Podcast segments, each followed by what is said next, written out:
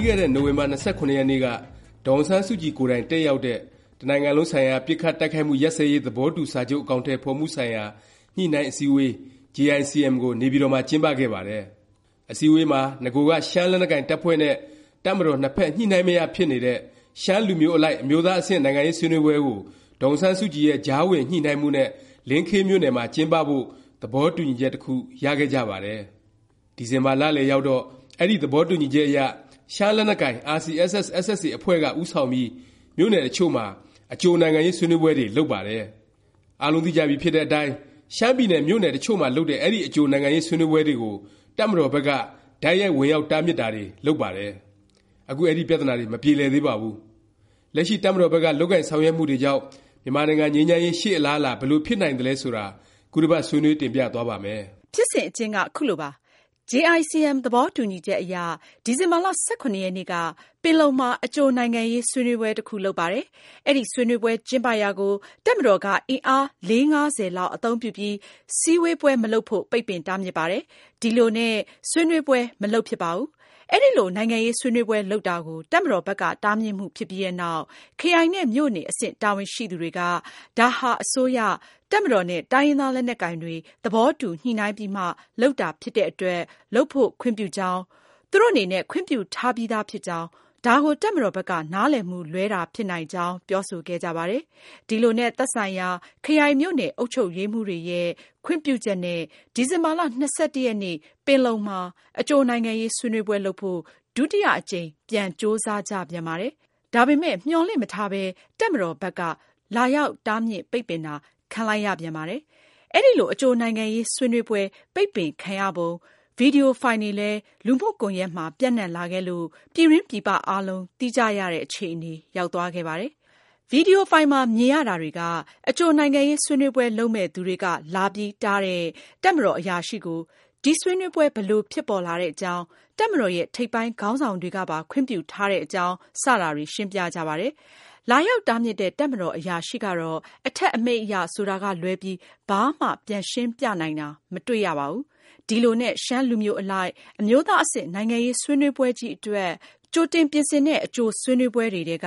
တာချီလိတ်၊လားရှိုးနဲ့ နမ့်ဆန်မြို့နယ်တွေမှာ လုပ်တဲ့ ဆွေးနွေးပွဲတွေလည်း ပင်လုံမှာနည်းတူ တပ်မတော်ရဲ့ တားမြစ်တာ ခံကြရပါတယ်။တကယ်တော့ ရှမ်းလူမျိုးအလိုက် နိုင်ငံရေးဆွေးနွေးပွဲကြီးဆိုတာဟာ အလွန်ကြီးကျယ်တဲ့ ပွဲကြီးပါ။၂၀၁၈ ခုနှစ် နှစ်ဆန်းမှာ ကျင်းပမယ်လို့ ရည်ရွယ်ထားတဲ့ ဒေါ်အောင်ဆန်းစုကြည် ဦးဆောင်တဲ့ တတိယအကြိမ်မြောက် ၂၁ ရာစု ပင်လုံညီလာခံကြီးမှာ ရှမ်းတိုင်းရင်းသားတွေကို ကိုယ်စားပြုပြီး တင်သွင်းမယ့် နိုင်ငံရေးဆိုင်ရာ သဘောထားအတွက် ကျင်းပတဲ့ နိုင်ငံရေးဆွေးနွေးပွဲကြီးပါ။ဒီလို ဆွေးနွေးပွဲကြီးအတွက် ပြည်သူလူထုရဲ့ တကယ့်အသံ စုံစုံလင်လင် ပါရလေအောင် အကြိုဆွေးနွေးပွဲတွေ လုပ်ရတာကလည်း ဓမ္မတာပါပဲ။ဒါကို တပ်မတော်ဘက်က ဘာကြောင့်၊ဘာရည်ရွယ်ချက်နဲ့ လာပြီး တားမြစ်ရသလဲ ဆိုတာကလည်း စဉ်းစားရ ခက်စေပါတယ်။အဲဒီ ပြသနာအပေါ် လက်ရှိ ပြည်သူတွေ ဝေဖန်နေကြတာက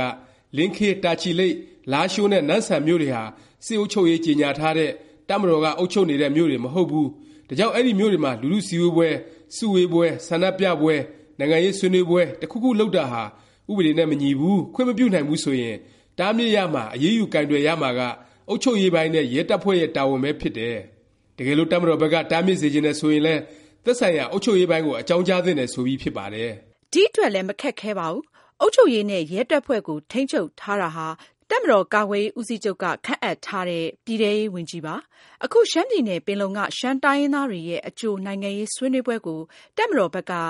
လက်နက်အပြည့်အစုံနဲ့ သွားပြီး တားမြစ်တာကတော့ အတော်လေးကို အရုပ်ဆိုး အကျည်းတန်စေပါတယ်။အခြားတစ်ဖက်က ကြည့်ပြန်ရင်လည်း မြန်မာနိုင်ငံဟာ ရွေးကောက်ပွဲကျင်းပပြီး ဒီမိုကရေစီနိုင်ငံကို အသွင်ကူးပြောင်းနေတဲ့ နိုင်ငံတစ်နိုင်ငံပါ။တပ်မတော်ဟာ တိုင်းပြည်ရဲ့ ဒီမိုကရေစီ အသွင်ကူးပြောင်းရေးမှာ ပါဝင်နေပါတယ်ဆိုပြီး ပြောဆိုနေတဲ့ ကာကွယ်ရေးဦးစီးချုပ် ဗိုလ်ချုပ်မှူးကြီးမင်းအောင်လှိုင်ရဲ့ ပြောစကားနဲ့လည်း ဖြောင့်ဖြောင့်ကြီး ဆန့်ကျင်နေတဲ့ လုပ်ရပ်မျိုး ဖြစ်နေပါတယ်။တပ်မတော်ရဲ့ အဲဒီလုပ်ရပ်နဲ့ ပတ်သက်ပြီး တိုက်ရိုက် အကျိုးသက်ရောက်မှု ရှိစေတာက NCA လက်မှတ်ရေးထိုးထားတဲ့ လက်နက်ကိုင် တိုင်းရင်းသားအဖွဲ့တွေရဲ့ အပေါ်မှာ ဖြစ်ပါတယ်။ပြီးခဲ့တဲ့ ဒုတိယအကြိမ် ၂၁ ရာစု ပင်လုံညီလာခံမှာကတည်းက အပစ်ရပ် လက်နက်ကိုင် တိုင်းရင်းသားအဖွဲ့ ခေါင်းဆောင်တွေဟာ တပ်မတော်ဘက်ကို တန်းတူရည်တူ ညှိနှိုင်းလိုစိတ် နည်းတယ်ဆိုပြီး ဝေဖန်မှုတွေ ရှိနေပြီးသားပါ။ ငြိမ်းချမ်းရေးတည်ဆောက်တယ်ဆိုတာဟာ အပြန်အလှန် စိတ်ရှည်လက်ရှည်နဲ့ ဆွေးနွေး၊သဘောတူညီချက်ရအောင် ညှိနှိုင်းရတဲ့ ဖြစ်စဉ်မျိုးဖြစ်ပါတယ်ဆိုပြီး ထောက်ပြခဲ့ကြပါသေးတယ်။အခု မြို့ပေါ်နိုင်ငံရေးဆွေးနွေးပွဲကျင်းပတာကို တပ်မတော်ဘက်က ဝင်ရောက်တားမြစ်လိုက်တာကို ဘယ်အဖွဲ့အစည်းကမှ အကောင်းမြင်မယ့်ပုံတော့ မရှိပါ။နောက်တစ်ချက်က အပစ်ရပ်လက်မှတ်ထိုးမယ်လို့ တာစူနေတဲ့ မွန်ပြည်သစ်ပါတီ၊ကရင်နီလက်နက်ကိုင် KNPP နဲ့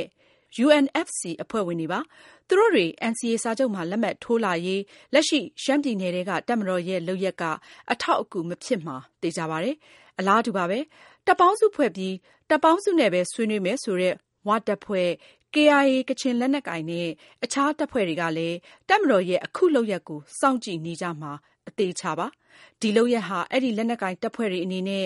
တပ်မတော်ဟာ ငြိမ်းချမ်းရေးကို တကယ်လိုလားပါတယ်၊တိုင်းရင်းသား တန်းတူညီမျှရေးကို လိုလားပါတယ်ဆိုတာ ယုံကြည်ဖို့ ခက်ခဲစေပါလိမ့်မယ်။လက်ရှိ တပ်မတော်ရဲ့ လုပ်ရပ်ဟာ အဲဒီ ရှမ်းပြည်နယ်ထဲမှာ ရှိတဲ့ ရှမ်းတိုင်းရင်းသားတွေရဲ့ သံသယ ဖြစ်မှုကိုလည်း ခံရပါလိမ့်မယ်။ရှမ်းတိုင်းရင်းသားတွေဟာ အခြားသော ဗမာ အပါအဝင် မြန်မာနိုင်ငံသား အားလုံးနည်းတူ